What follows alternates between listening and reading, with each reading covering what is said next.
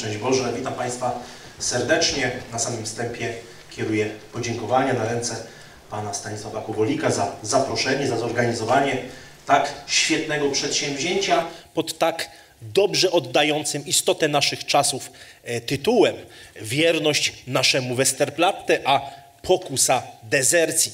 Szanowni Państwo, kiedy słyszymy słowo suwerenność, to najczęściej przychodzi nam do głowy cały katalog pojęć związanych z niezależnością, niepodległością, zdolnością do kształtowania własnej polityki. I rzeczywiście tak możemy definiować pojęcie suwerenności. Kiedy w 1576 roku Jean Baudin, Baudin po raz pierwszy y, użył tego pojęcia suwerenność, rozumiał przez to zdolność władzy do kreowania zarówno tych wewnętrznych, jak i zewnętrznych relacji według własnej woli politycznej. Stąd suwerenność jest ściśle związana z politycznością. Tak? z kształtowaniem całego obrazu e, potencjalnych przeciwników, potencjalnych sojuszników e, i zdolnością oddziaływania na własne społeczeństwo i na relacje zewnętrzne. Państwo, które jest suwerenne, jest w stanie prowadzić własną politykę zagraniczną, wyznaczać sobie cele, wektory tej polityki, jest w stanie tworzyć porządek wewnętrzny w oparciu o konkretne akty prawne. Pojawia się zatem pojęcie, gdzie zachodzi zbieżność między pojęciem suwerenności, a samą kulturą. Czym może być dzisiaj suwerenność kulturowa i jakie ma znaczenie, jeśli chodzi o kwestię niepodległości? Bo przecież kiedy po 24 lutego 2022 roku właściwie wszystkie media głównego nurtu odmieniają przez wszystkie możliwe przypadki pojęcie wojny, niepodległości, bezpieczeństwa i tym podobnych rzeczy, wszyscy słysząc słowo suwerenność, nagle myślą o siłach zbrojnych, o wojsku, o potrzebie zbrojeń. Słyszymy o zakupach coraz to nowych coraz to nowego sprzętu wojskowego, czy mówimy tutaj o wozach bojowych, czy o czołgach, czy armatochaubicach. Z tym najczęściej się stykamy.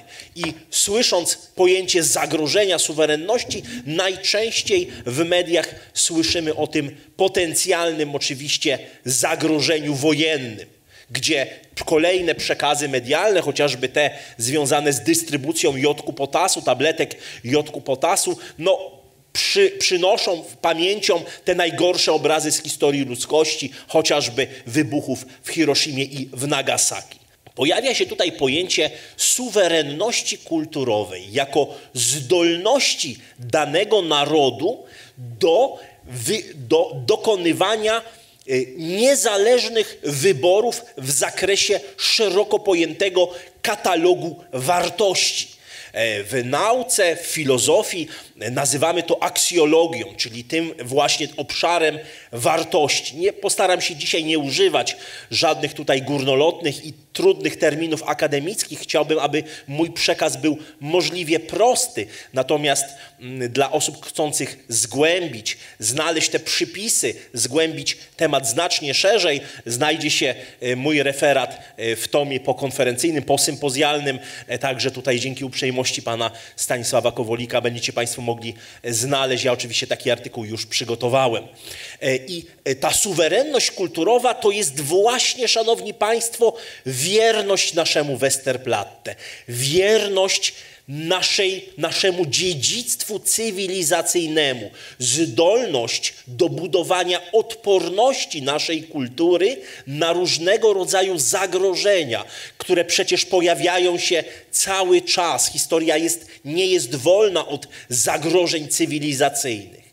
I powstaje fundamentalne pytanie: jeżeli suwerenność kulturowa jest zdolnością do e, świadomego wyboru określonego katalogu wartości, jest e, bronieniem naszego Westerplatte, to pojawia się fundamentalne pytanie, czym jest owo Westerplatte?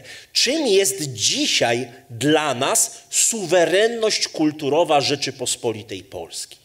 I ja pozwolę sobie postawić taką tezę na początku swojego wystąpienia, że naszym Westerplatte, że naszą suwerennością kulturową, fundamentem naszej suwerenności kulturowej jest cywilizacja łacińska w rozumieniu świętej pamięci profesora Feliksa Konecznego.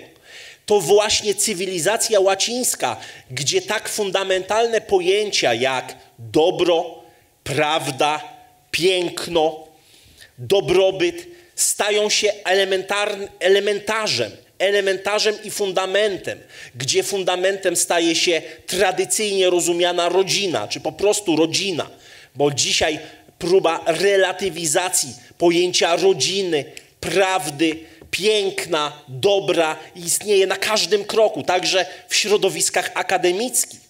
I ten szturm na nasze Westerplatte, ten szturm na suwerenność kulturową takich państw jak Polska, czy takich narodów jak Polska, nie rozpoczął się, szanowni państwo, ani dziś, ani wczoraj. Początki tego widzieliśmy już w latach dwudziestych i trzydziestych XX wieku, wtedy, kiedy rodziła się, rodziły się zręby tak zwanej teorii krytycznej, fundamentu współczesnej antykultury kiedy Max Horkheimer w 1937 roku pisał pracę, czy wydał pracę o właśnie teorii krytycznej, rozpoczął się ten wielki wyścig w celu podważenia fundamentów cywilizacji łacińskiej. Te wszystkie koncepcje, te prądy myślowe takie jak postmodernizm, takie prądy myślowe, czy taki trend w ogóle jak rewolucja seksualna, to jest nic innego jak cała masa, cała fala szturmu na współczesną suwerenność kulturową Rzeczypospolitej Polskiej. Oczywiście powstaje fundamentalne pytanie, czy może istnieć naród bez państwa i czy istnieje coś takiego jak suwerenność kulturowa poza państwem. Odpowiedź jest bardzo prosta, moim zdaniem. Oczywiście, że tak. I naród polski jest najlepszym tego przykładem przez e, w latach 1795-1918, pomijając oczywiście te mm, kadłubowe formy państwowości polskiej, jak Księstwo Warszawskie czy Królestwo Polskie, naród polski zachował swoją suwerenność kulturową. Zachował ją, ponieważ wierny był temu Westerplatte, któremu na imię cywilizacja łacińska. I gdybyśmy sobie chcieli y, sformułować y, takie elementarne powiedziałbym, fundamenty y, cywilizacji łacińskiej, to będzie wierność zarówno filozofii greckiej, prawu rzymskiemu, jak i religii chrześcijańskiej. To, jest, to są trzy takie podstawowe fundamenty cywilizacji łacińskiej, tak jak to opisywał w roku 1935 nieodżałowany Felix Koneczny. Polecam Państwu tę książkę, to fantastyczna praca, która nie straciła na swojej aktualności. Dziś w środowisku akademickim mamy do czynienia z prawdziwym atakiem na spuściznę profesora Feliksa Konecznego, zarzuca mu się nienaukowość, e, poglądy wsteczne, poglądy antypostępowe. Natomiast był to wybitnej klasy naukowiec, wybitnej sławy naukowiec, który, którego dzieła są tak naprawdę o wiele lepiej znane e, na Zachodzie niż często w niektórych kręgach akademickich w Polsce. I Felix Koneczny jako jeden z fundamentów cywilizacji łacińskiej, oprócz tych trzech elementach, o których powiedziałem, wymieniał pojęcie, pojęcie prawdy że prawda jest kategorią absolutnie obiektywną. Jest po absolutnie obiektywną. Natomiast od okresu zimnej wojny widzimy wielki szturm w środowiskach akademickich na pojęcie prawdy. Jeden z absolutnych, e, powiedziałbym, flagowych e, ideologów postmodernizmu, filozofów e, tego nurtu, tego prądu myślowego, Jacques Derrida, powiedział kiedyś, że istnieje tylko tekst. Poza tekstem nie istnieje nic. To oznacza, że istnieje tylko i wyłącznie interpretacja. Interpretacja. Każdy może mieć własną narrację i każda narracja jest tak samo uprawniona. Jest tak samo uprawniona. Zatem mamy do czynienia z wprowadzeniem do środowiska akademickiego pojęcia relatywizmu relatywizmu. Y, każdy ma swoją prawdę. Każdy ma swoją prawdę. Każda religia, każda filozofia, każdy pogląd jest tak samo istotny, tak samo ważny, tak samo uprawniony. Czyli tutaj mamy do czynienia z podcinaniem korzeni. Mamy do czynienia z absolutnym szturmem na pojęcie prawdy.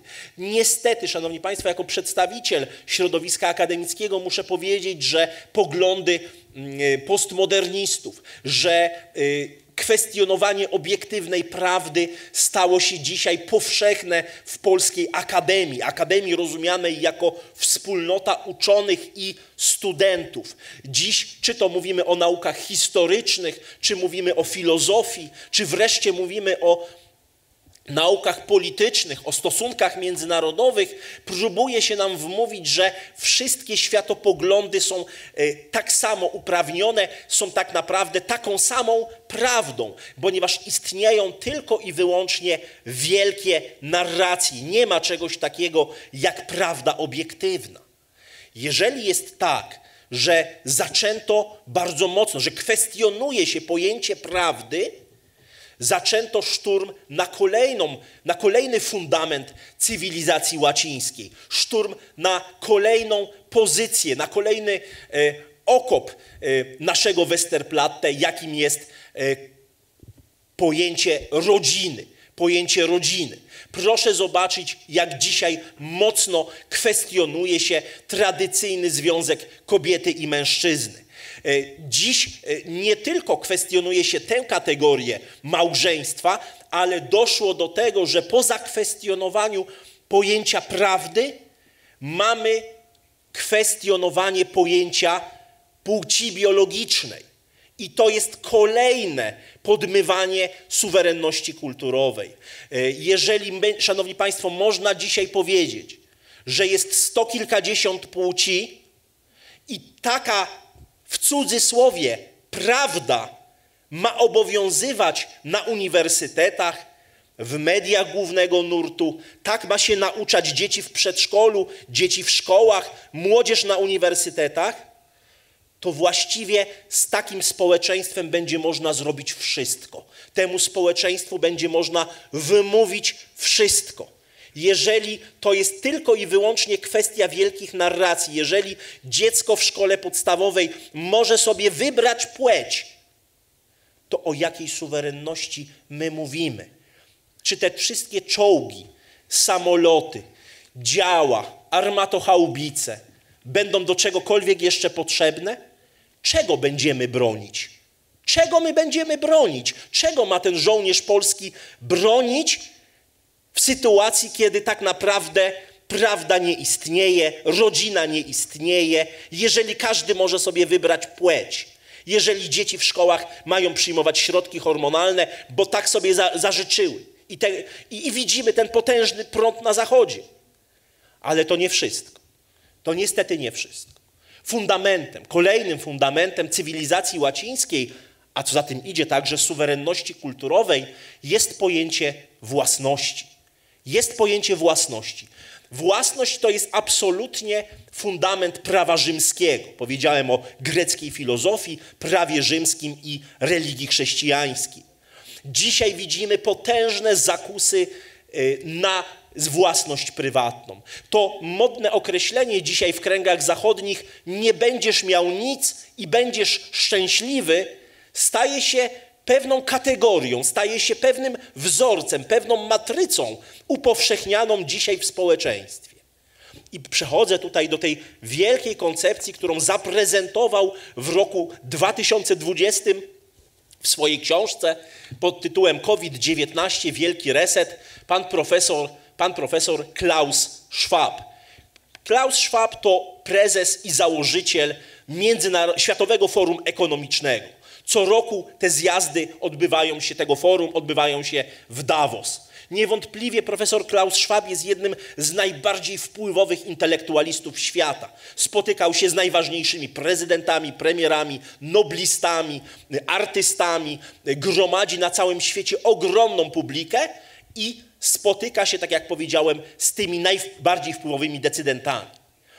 Klaus Schwab zaproponował nową wizję przyszłości, która opiera się na jego sformułowaniu pod tytułem Czwarta rewolucja przemysłowa. Czwarta rewolucja przemysłowa. I taką książkę napisał pod tym tytułem. Tak naprawdę w swoich publikacjach, takich jak Kapitalizm Interesariuszy i wiele innych, prezentuje nową wizję świata. I ta wizja świata w moim odczuciu, w mojej analizie, w mojej opinii jest wielkim jest, jest, to są wielkie zakusy na likwidację suwerenności państw narodowych. Co w telegraficznym skrócie proponuje Klaus Schwab? Po pierwsze mówi, że mamy do czynienia dzisiaj z czwartą rewolucją przemysłową. Można z tym polemizować, ale generalnie jeżeli byśmy sobie prześledzili historię świata, to po, pojawienie się silnika parowego, to pierwsza rewolucja przemysłowa. Druga rewolucja przemysłowa to e, pojawienie się prądu elektrycznego, który umożliwił produkcję masową. Trzecia rewolucja przemysłowa, już nam bliższa, pojawienie się komputerów. A czwarta rewolucja, której jesteśmy świadkami, to jest pojawienie się sztucznej inteligencji, pojawienie się internetu rzeczy, pojawienie się technologii biowszczepialnych. I co za tym idzie, Klaus Schwab proponuje, aby wprowadzić obywatelstwo korporacyjne, aby to korporacje ponadnarodowe były, głównym, były, były głównymi aktorami stosunków międzynarodowych, aby miały absolutne pierwszeństwo przed państwami narodowymi. Proponuje, aby każdy człowiek miał wszczepiony chip. E, bio, mówimy tutaj o technologiach biowszczepialnych, aby mógł e, oczywiście mieć tę łatwość, chociażby w płaceniu. Po co nosić przy sobie gotówkę? Niehigieniczną, jakby powiedzieli niektórzy. Po co nosić kartę, telefon, czy nawet zegarek, tak zwany smartwatch, którym można płacić? Skoro można iść przecież na basen, to może yy, to jest problem, można gdzieś to zgubić. Można mieć przy sobie chip wszczepiony, który zawsze się ma. To jest dowód osobisty, to jest paszport, to jest paszport covidowy, to jest, yy, to jest oczywiście także środek płatniczy ale to pociąga, szanowni państwo, za sobą totalną kontrolę.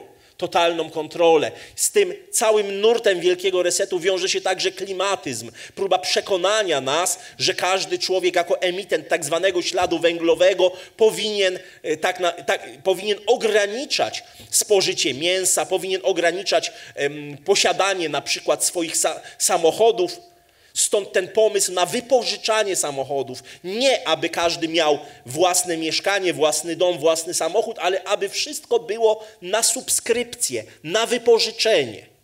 A własność? A własność to już ponadnarodowe korporacje. Tu jest moim zdaniem jeden z tych wielkich, jedno z tych wielkich, absolutnie wielkich zagrożeń dla suwerenności także kulturowej, ponieważ za tą koncepcją idzie idea multikulturalizmu która zrównuje mniejszości z większością, prawa mniejszości z prawami większości i pokazuje, że każda kultura, że każda religia, każde wyznanie jest równorzędne, a co za tym idzie, promuje się wymieszanie, wymieszanie religii, wymieszanie struktur etnicznych, wymieszanie różnego rodzaju kategorii kulturowych.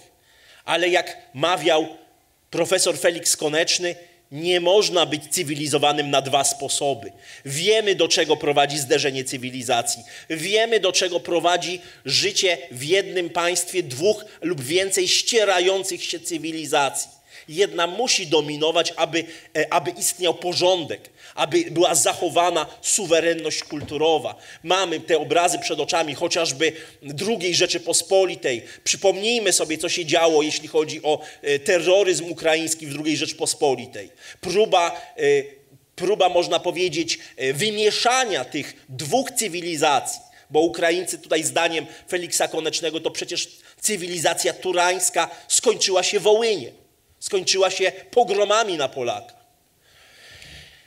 I zbliżając się, Szanowni Państwo, powoli do końca, ponieważ nie chciałbym, aby nasze spotkanie dzisiaj było monologiem. Chciałbym, aby to była dyskusja, aby to było spotkanie intelektualne i wymiana myśli. I chciałbym, abyśmy, abyśmy podyskutowali nad, tymi, nad tym współczesnym rozumieniem naszego Westerplatte. Zanim przejdę i oddam głos tutaj szanownemu moderatorowi, to chciałbym powiedzieć o kolejnym, ostatnim y, w tym moim wystąpieniu zagrożeniu. Tym prądem, tym nurtem myślowym, który uważam za zagrożenie dla suwerenności nie tylko kulturowej, ale także biologicznej. I nie tylko Rzeczypospolitej, ale jeżeli to mogę tak ująć, homo sapiens sapiens, jest transhumanizm. Jest transhumanizm. Nazwany swego czasu mm, przez jednego z teologów watykańskich o wiele większym zagrożeniem niż komunizm dla chrześcijaństwa i dla człowieka jako takiego. Czym jest, szanowni państwo, transhumanizm? Mówiąc najprostszymi słowy, jest to prąd intelektualny, którego cele pozornie są bardzo szczytne, ponieważ chodzi o przekroczenie naturalnych ograniczeń człowieka.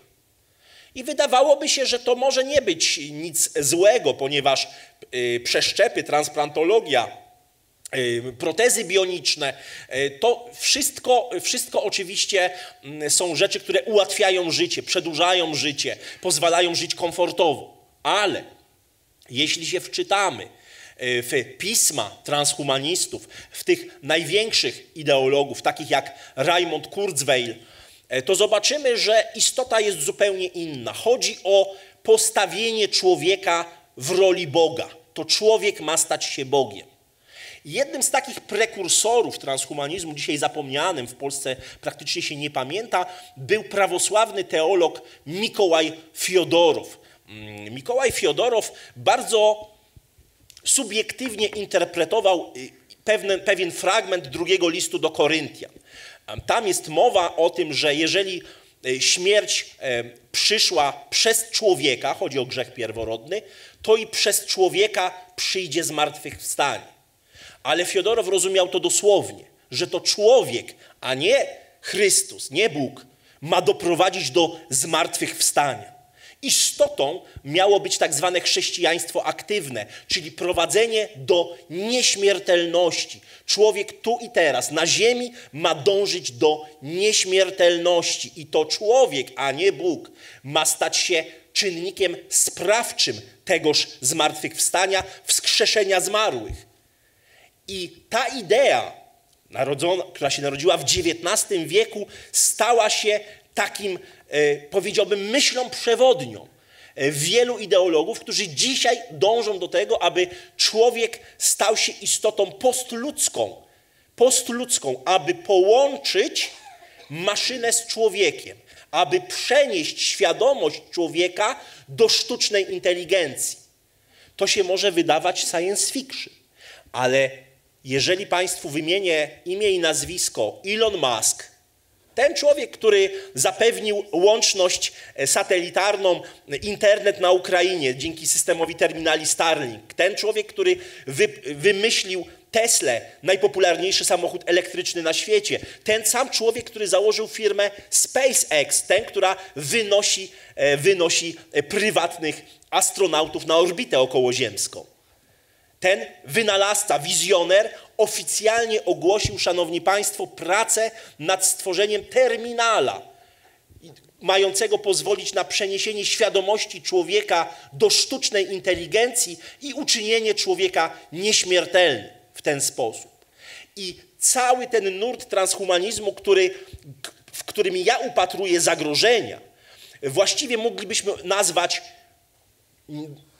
posthumanizmem, czyli próbą zastąpienia człowieka nowym gatunkiem, takiej ewolucji za pomocą integracji człowieka ze sztuczną inteligencją i innymi czynnikami technologicznymi, o których nawet jeszcze dziś nie wiemy, które mają zapoczątkować erę postludzką, erę postludzką, tam gdzie nie będzie już państw narodowych, nie będzie wielu religii, ale pewnie jeden powszechnie obowiązujący światopogląd i gdzie będzie już postczłowiek. I ostatni element to, szanowni państwo, to zagrożenie dla suwerenności kulturowej, które ja upatruję w niekontrolowanym postępie technologicznym.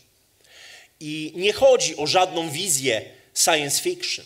Chodzi o system kontroli społecznej, a właściwie to, co się nazywa na wschodzie, w Chinach, konkretnie w Chińskiej Republice Ludowej, systemem kredytu społecznego.